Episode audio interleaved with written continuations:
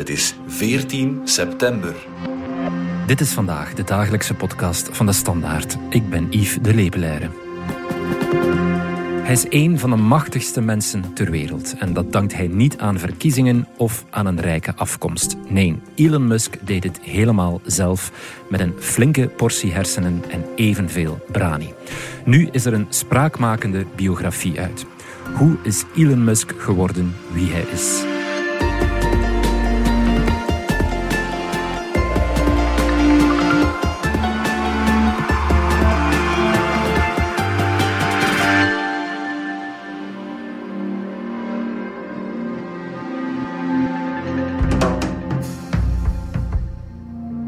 I know I sometimes say or post strange things, but that's just how my brain works.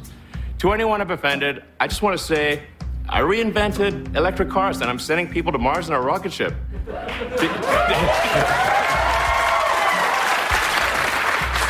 Did, you think I was also going to be a chill, normal dude? Dominic Dekmijn, onze technocraat. We hoorden daarnet Elon Musk zelf, een fragmentje uit de Saturday Night Live uit 2021. Als er iemand is op onze redactie voor wie Elon Musk uh, geen geheimen meer heeft, dan ben jij het wel. Je hebt de biografie gelezen die Walter Isaacson heeft geschreven over Musk. Heeft de biografie jou nog enigszins verrast? Wel, de eerste helft van het boek niet, want er was al een biografie van Elon Musk over alles, zullen we maar zeggen, tot 2014. En daar vernemen we dus uh, niet zo heel veel over, maar iedereen keek uit naar wat heeft Isaacson te vertellen, want het gaat over Walter Isaacson, eigenlijk de topbiograaf, hè, ja. die ook uh, Steve Jobs biografie heeft geschreven, die in de laatste weken bij Steve Jobs was op zijn sterfbed en die nu twee jaar lang Elon Musk op de voet heeft gevolgd. En wel tijdens de, de meest woelige periode van die mans uh, carrière, namelijk zijn periode bij, uh, bij Twitter. De overname van Twitter, dat heeft zijn biograaf dus allemaal van dichtbij gevolgd. Hij was simpelweg mee in die vergaderzalen tot uh, stukken in de nacht. En dus dan wilden wel mensen weten, wij, wat gaan we daarvan vernemen? Wat gaan we leren over ja, wat Musk eigenlijk die, die laatste paar jaar geworden is? Wat, mm. wat is er aan de hand met die man? Ja. Wel, we leren nu inderdaad wat er op dat moment aan het gebeuren was binnen Twitter. Wat, hoe dat er aan toe ging bij die overname. Sommige van die, van die meest gekke, van de pot gerukte tweets, daar is toch vaak een verhaal achter. Al is het verhaal vaak niet veel meer dan ah, die persoon die hij daar beledigd heeft, daar had hij net voordien een meeting mee en hij voelde zich beledigd en heeft wild teruggeschopt. En dus vaak is het maar dat. Maar uh, ja, we, we leren eigenlijk het hele verhaal achter die rare tweets, toch wel. Over die rare tweets hebben we het straks nog. Maar laten we even beginnen bij het begin. Hoe is het allemaal begonnen voor Elon Musk, de ondernemer? Uh, wel ja, hij, hij, hij komt dus uit Zuid-Afrika, waar hij is opgegroeid. Eerst in een relatief welstellend gezin, al hoort hij dat niet graag. Hij heeft dat rags to riches verhaal, dat hebben Amerikanen graag. Maar bon, ze waren relatief welstellend, maar er is dan een, een lelijke echtscheiding geweest. Hij is dan een tijd bij zijn behoorlijk gestoorde vader, Errol Musk, gewoond. En dan is hij op zijn eentje, eigenlijk op 17 jaar, eh, eerst naar Canada, want hij mocht niet rechtstreeks naar de Verenigde Staten, maar naar, naar, eh, naar Canada vertrokken. Heeft uh, natuurkunde en bedrijfskunde gestudeerd en is dan eigenlijk in zijn eentje daar in Silicon Valley het ene na het andere bedrijf beginnen oprichten. Er was een, een soort online gouden gids, de Zip2, dat hij heeft opgericht. Verkocht met het geld heeft hij dan een nieuw bedrijf opgericht. X.com, dat dan gefuseerd is met wat PayPal is geworden. Ja, dat kennen we allemaal. Hè? Ja. Dat is dan opnieuw verkocht geraakt. Uh, ondertussen was hij daar al, al, weg, maar het is dan verkocht geraakt. En toen had hij 250 miljoen dollar, was hij stevig rijk. nu heeft hij zoveel in miljarden, maar toen in miljoenen. Hij was echt serieus rijk. En dan kon hij gaan doen wat hij wilde. En wat heeft hij dan gedaan? En dat geld gestoken in zijn jeugddromen. En dat komt bij Musk altijd terug. Hij heeft zo'n aantal ideeën, vaak al sinds zijn kindertijd. En een van die dingen is zijn fascinatie voor ruimtevaart. Mom, do you remember when I was 12 and I created my own video game called Blastar about a spaceship that battles aliens? Als schooljongen zat hij raketmotoren te maken, probeerde hij raketten met verschillende mengsels van brandstof de lucht in te krijgen. Dat was een van zijn ideeën. Elektrische auto's was ook al heel snel aan de universiteit, zat hij daar toch al over na te denken. Dus hij begint dan geld te steken in zijn jeugddromen. En eerst en vooral uh, beslist hij dan ja, dat hij een, een, raket wil maken om naar Mars te vliegen. En hij begint SpaceX, wat toen echt een, een ongehoord idee was. There are American heroes who don't like this idea. Neil uh, Armstrong, Gene Cernan have both testified against commercial spaceflight and the way that you're developing it. And I wonder what you think of that. You know, th- those guys are heroes of mine, so it's really tough. You know, I, I wish they would come and visit and, and see the hardware that we're doing here. Eerst was hij van plan een, een paar oude raketten in Rusland uh, te kopen voor een Marsmissie. En ze vragen hem veel te veel geld. En ze lachen hem nog uit ook. en op de terugvlucht heeft hij dan in, een, in zo'n Excel-spreadsheet berekend van... we gaan die raket gewoon zelf maken. We kunnen dat voor veel minder geld. En hij doet het nog ook. En hij heeft 250 miljoen om mee te spelen. Ondertussen, terwijl hij die, die, ja, die raket probeert te bouwen, uh, geeft hij wat geld aan uh, Martin Eberhard, die een heel, ook heel ambitieus plan heeft, namelijk om elektrische auto's te maken. En dat wordt dan Tesla. Do, do you see Tesla Motors as a, as a direct competitor to the large car makers in Detroit and Europe? Yes. Isn't it um, strange to compete with uh, car companies that have large resources when it comes to developing? So where's their electric car? En dus hoewel in de eerste artikels die over Tesla zijn geschreven altijd werd gesproken over Martin Eberhard, is het nu altijd uh, Elon Musk die uh, als de vader van Tesla wordt gezien. En wat is nu zijn grootste succes geworden? SpaceX of Tesla? Ja, op dit moment lijkt het nog uit Tesla te zijn, maar veel mensen voorspellen dat uh, SpaceX misschien wel het bedrijf is waar hij het meest voor herinnerd zal worden hangt er natuurlijk allemaal vanaf hoe dat allemaal verder loopt. Hè. Uh, hij is nu bezig die, die enorme stap te zetten naar uh, zijn Starship. Dat hij dan in, in de komende maanden uh, voor het eerst in een baan rond de aarde hoopt te krijgen.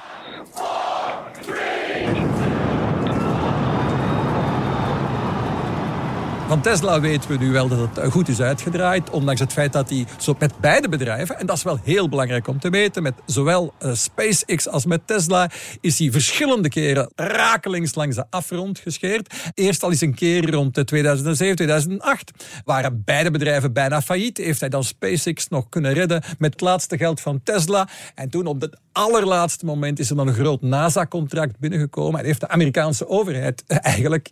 Een uh, reddingsboei uh, gegooid de reddingsboei ja. gegooid, ja, natuurlijk. Waar hij dan uh, aanvankelijk wel, maar achteraf helemaal niet meer zo dankbaar voor was. Nu ontkent hij dat graag, dat hij overheidshulp heeft gehad.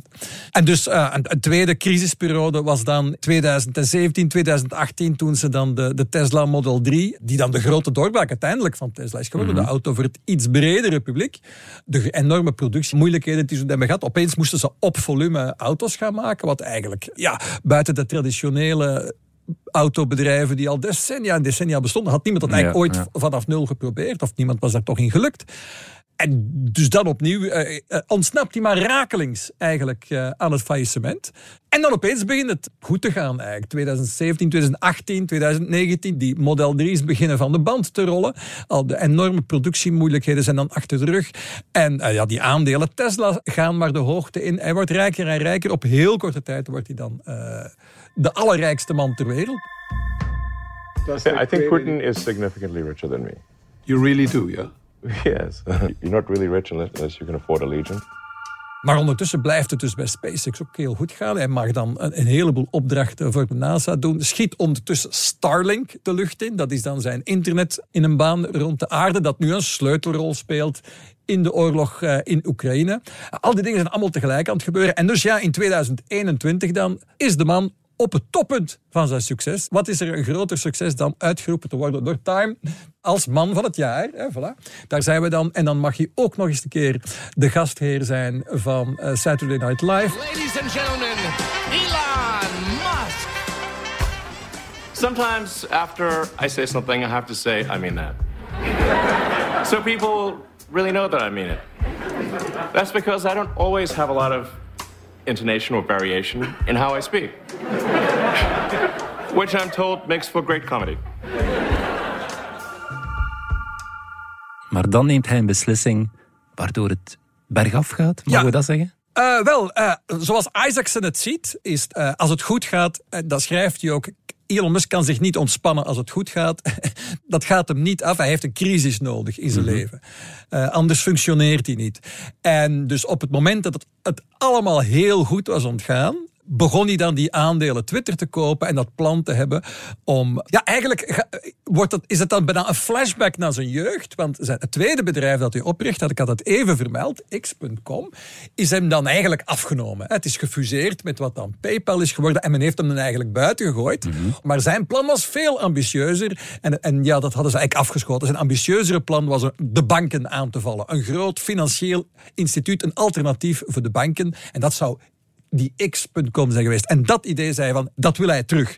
En het is bij de buitenwereld zo overgekomen dat hij dan, eh, ja, dat hij plots eh, een tijdje geleden Twitter heeft omgedoopt tot X en zegt ja. van, ik ga daar eh, ook financiële dingen mee doen. Dat leek iedereen van, ja, waar, komt hij nu mee af? Maar, zegt Isaacson, nee, nog voor hij begon te praten over die overname, was dat zijn idee al. Ik wil mijn idee van toen, die, de, het financiële bedrijf X, dat wil ik nu terugcreëren. En de snelste manier om dat te doen is Twitter opkopen. Ja, en daar had hij meer dan 40 miljard dollar voor over. The deal is done. Twitter has been sold to Elon Musk. The Tesla and SpaceX CEO acquired the social media company for roughly $44 billion, calling his bid his quote best and final offer. Dominique, iedereen dacht toen, wat doet Elon Musk nu?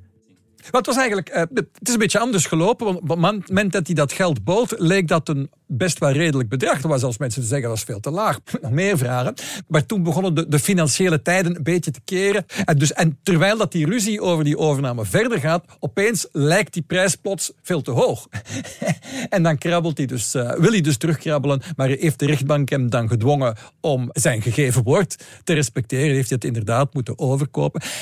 Ondertussen was natuurlijk iets anders gebeurd. Terwijl hij aan de ene kant gewoon een crisis opzoekt en tegelijkertijd ook zijn droom van een X uit de jaren 90 terug opgraaft, is hij ook politiek een heel eind opgeschoven naar de rechterzijde. Terwijl hij eerder een soort uh, centrum-links persoon was. Die bijvoorbeeld uh, nog de presidentiële campagnes van Obama en Hillary Clinton uh, heeft helpen financieren.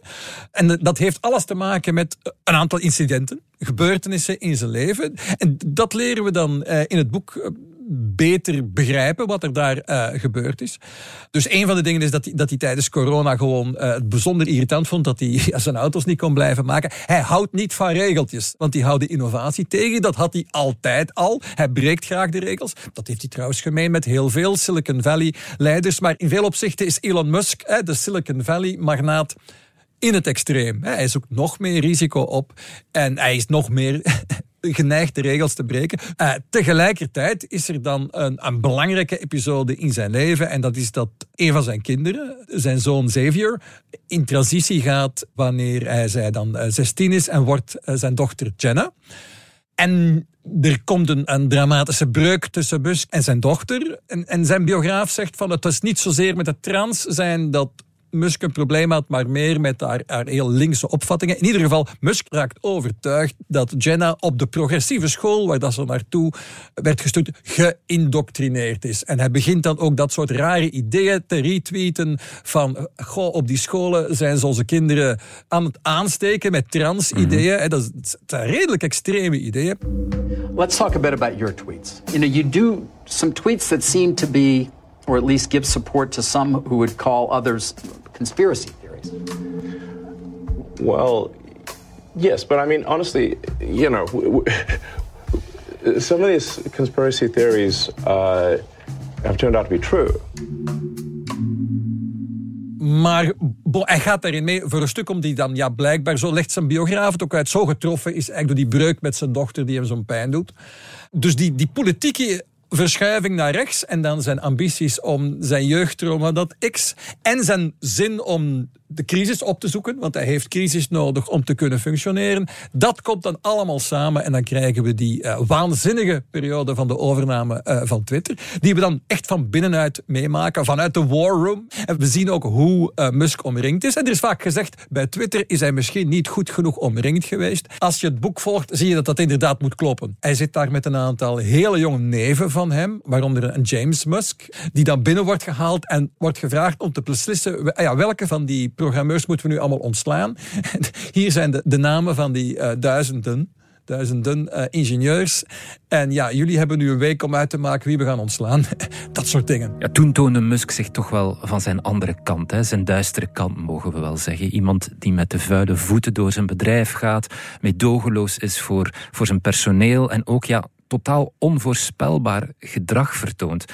Blijkbaar ging hij bij Twitter zodanig ver om zelf de stekker uit de servers te trekken en, en die te verhuizen. Wel, dat is dus een, een uh, cowboy-verhaal dat eigenlijk in, in het boek voorkomt, dat hij op een bepaald moment zegt, hè, er zijn veel te veel servers en ze moesten heel veel kosten besparen. En hij heeft gezegd van, ja, hoe lang duurt het om die servers er weg te halen? Ah, dat was een proces van maanden. En dan zeg je, nee, ik kan het even zelf. En die is dan naartoe gereden met zijn uh, jonge neven, inderdaad. En, en dat wordt heel smakelijk verteld in het boek, hoe ze dan met uh, kniptangen uit doe-het-zelfzaak die servers losknippen in een vrachtwagen steken en ermee Amerika oversteken eigenlijk. En dan, ja, aan de ene kant bewijst hij dat het kan. Ze hebben al die servers inderdaad uh, verhuisd. En niemand had eraan gedacht. Dat is een, toch wel een, een typische Musk-streek. Aan de andere kant zijn er daarna maandenlang problemen geweest bij Twitter. En toen begon inderdaad de pers te schrijven van... ja, hij heeft daar veel te veel mensen ontslagen. Te veel besparingen door. Het wordt allemaal onstabiel. En een sleutelmoment is dan... Uh, volgens de biograaf is dus die, die server verhuis op kerstnacht. Die serververhuis is rechtstreeks verantwoordelijk voor het feit dat Twitter onstabiel was... op het moment dan dat die die presidentskandidaat Ron DeSantis dan zijn uh, kandidatuur voor het presidentschap aangekondigd tijdens een live uitzending op Twitter. En die servers gingen heel de tijd haperen. En dus dat had hij dan over zichzelf uitgeroepen. En dus met dat verhaal hoopt de biograaf dan dat we de boodschap kijken van ja, Musk durft dat soort dingen. Hij durft alle regels breken. En vaak lukt het hem. En soms uh, ja, zorgt dat dan voor ongelukken. Maar is het verhaal dan dat. Daar leert hij dan weer uit. En zo gaat hij verder. Dus nee, uh, eigenlijk probeert uh, Isaacson in zijn biografie duidelijk te maken, en ik denk dat dat voor een stuk klopt, dat er een grote continuïteit is tussen Musk bij zijn andere bedrijven en wat hij bij Twitter doet.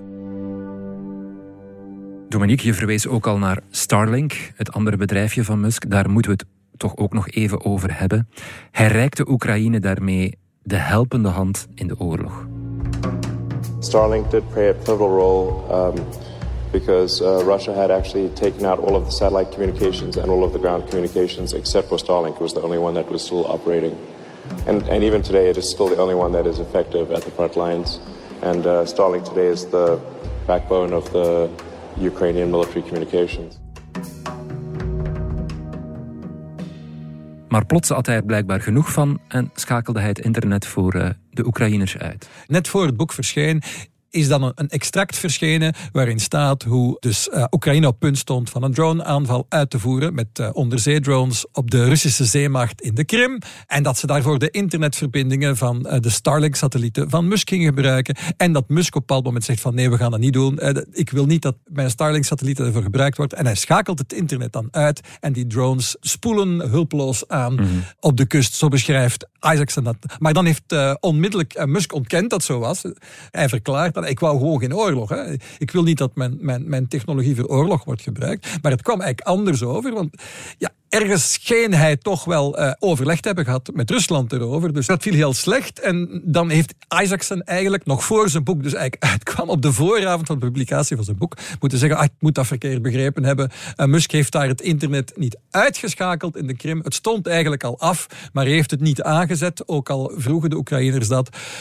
Waarmee het vooral een beetje afzwakt, hoewel uiteindelijk de indruk overeind blijft dat het, uh, ja, zeggen veel mensen, ongezond is dat een privépersoon op dat moment beslissingen neemt die te maken hebben met oorlog en vrede en met wie een voorsprong krijgt in, een oorlog. Uh, wat dit nog eh, problematischer maakt, is dat er zeker contacten zijn geweest tussen Musk en het Kremlin. Op een bepaald moment was er sprake van dat hij met Poetin zelf gebeld zou hebben. Hij had zelf op een bepaald moment die indruk gewekt naar vrienden toe.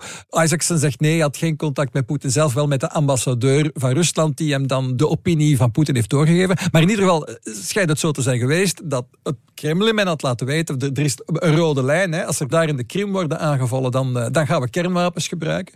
Dus de rode lijn, daar mag je niet over. En hij gaat er dan niet over.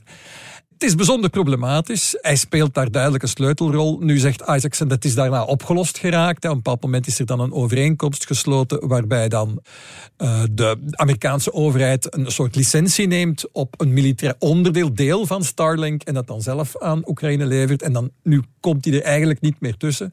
En dat is een gezondere situatie. En dat vindt iedereen. Maar het blijft nog altijd zo dat de Amerikaanse overheid onder andere voor uh, trips naar het ruimtestation volledig afhankelijk is van een privépersoon die nogal grillig is.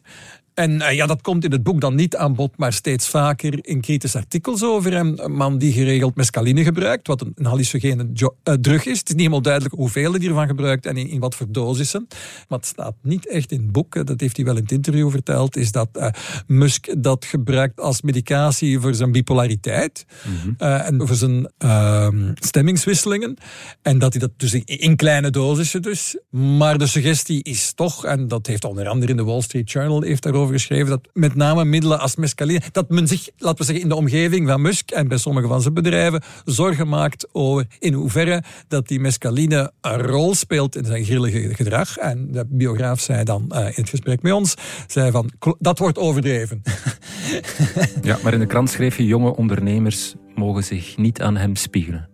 En wel, dat is de vrees dat ik een beetje had uh, toen ik het boek aan het lezen was. De, de, de Musk die we de afgelopen twee jaar hebben gezien, is zeker niet de beste Musk. En effectief, als dit nu wordt geportretteerd als, ja, dit is de aanpak van de meest succesvolle zakenman in de wereld. Ja, je moet vooral niet te veel geduld hebben met mensen, want zo kom je niet tot resultaten. Hè. Het heeft bijvoorbeeld, een van zijn stelregels is bijvoorbeeld, ja, kameraadschap uh, onder collega's. Dat is eigenlijk niet goed. Je moet vooral geen vrienden zijn met mensen, want dan geef je geen eerlijke kritiek op elkaar. En zo kom je niet tot resultaten. Eigenlijk ongenadigd zijn, dat hoort erbij. Zijn lievelingswoord is hardcore. Hè. Dat komt overal terug. Zowel de bedrijfscultuur van Twitter moet hardcore zijn. Je moet er alles kunnen zeggen. Vooral nergens bang van zijn. En naar het einde van het boek wordt het zelfs eigenlijk apocalyptisch. Hè. Want dan komt er een heel interessant stuk over zijn plannen rond artificiële intelligentie. Hè. Mm -hmm. Volgens, uh, volgens uh, zijn biograaf Isaacson is de Twitter-episode eigenlijk niet zo belangrijk. Maar wat hij nu gaat doen met artificiële intelligentie, met zijn nieuwe bedrijf X.AI, dat hij pas heeft opgericht, dat wordt weer de, de grootste Musk. Misschien wel zijn grootste avontuur ooit, artificiële intelligentie. Maar dan lees je dat Musk nu tegen zijn biograaf zegt van ja, we moeten nu bijvoorbeeld vooral snel naar Mars geraken voor het einde van de beschaving. Letterlijk dat soort dingen. Dus hij gelooft echt dat eh, de beschaving hier in gevaar is, maar hij is dan bang dat artificiële intelligentie ook de wereld gaat bedreigen. Er is daar een, een, apocalyptisch, duister uh, dimensie aangekomen. Ik vond dat misschien nog het meest verrassende uit boek, hoe, hoe donker en duister dat die man echt geworden is. Die duistere kant, Dominique, die valt volgens zijn biograaf te verklaren door wat hij in zijn jeugd heeft meegemaakt. Ja, en zijn, vooral zijn heel problematische relatie met zijn vader, die nogal een vreemde snuiter is, om niet te zeggen een behoorlijk gestoorde man. Errol Musk ook een briljant ingenieur. Dat loopt daar wel in, in de familie.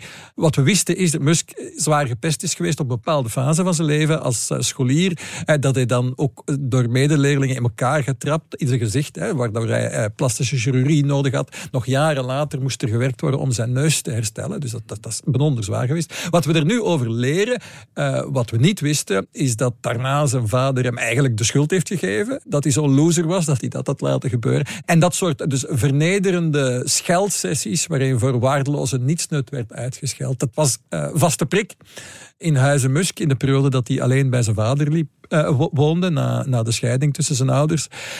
dus blijkbaar in de meest dramatische periode in zijn leven wordt hij dan, als het echt heel heel slecht gaat bij Tesla en SpaceX, en dat is vaak geweest, wordt hij vaak wakker s'nachts dan moet hij braken van de spanning. En dan begint hij zinnetjes te herhalen die zijn vader vroeger zegt. En begint hij ook uh, vaak te vertellen over zijn relatie met zijn vader. Dus die, op die grote crisismomenten is die problematische relatie met zijn vader nooit weg.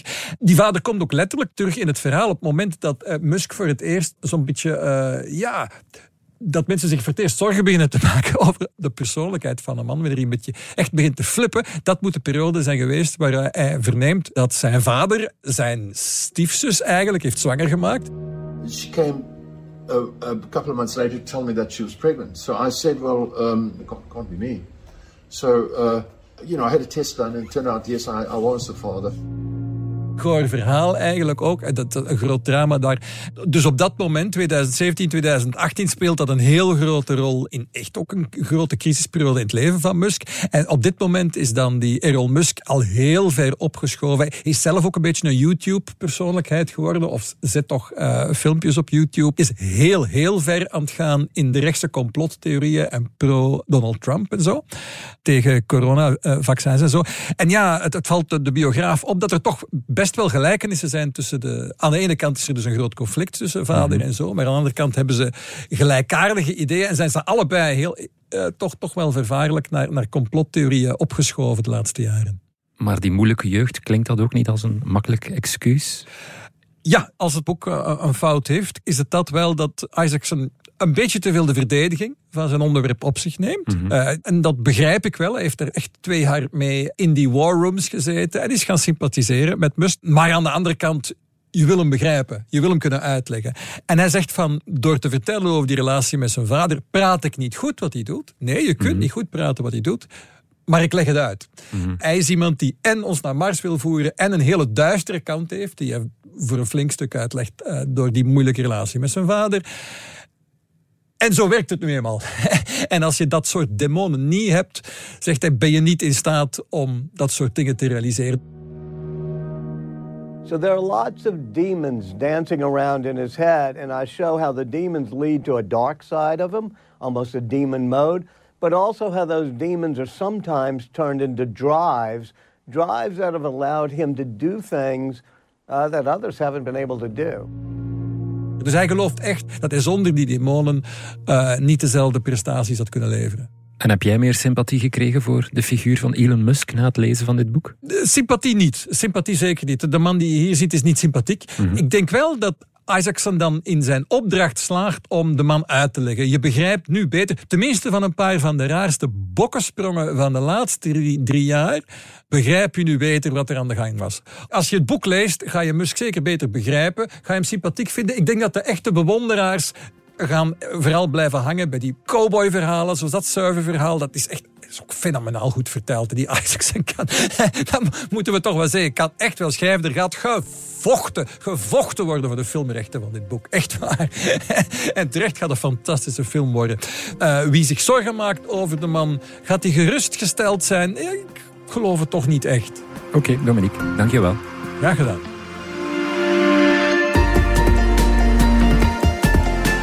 Dit was vandaag de dagelijkse podcast van de Standaard. Bedankt voor het luisteren. Volg ons op Spotify, Apple Podcast of eender welk ander podcastplatform. Of download de vernieuwde app DS Podcast, waar je ons werk en de beste luistertips van onze redactie terugvindt. Alle credits van de podcast die je net hoorde vind je op standaard.be-podcast. Reageren kan via podcast.standaard.be.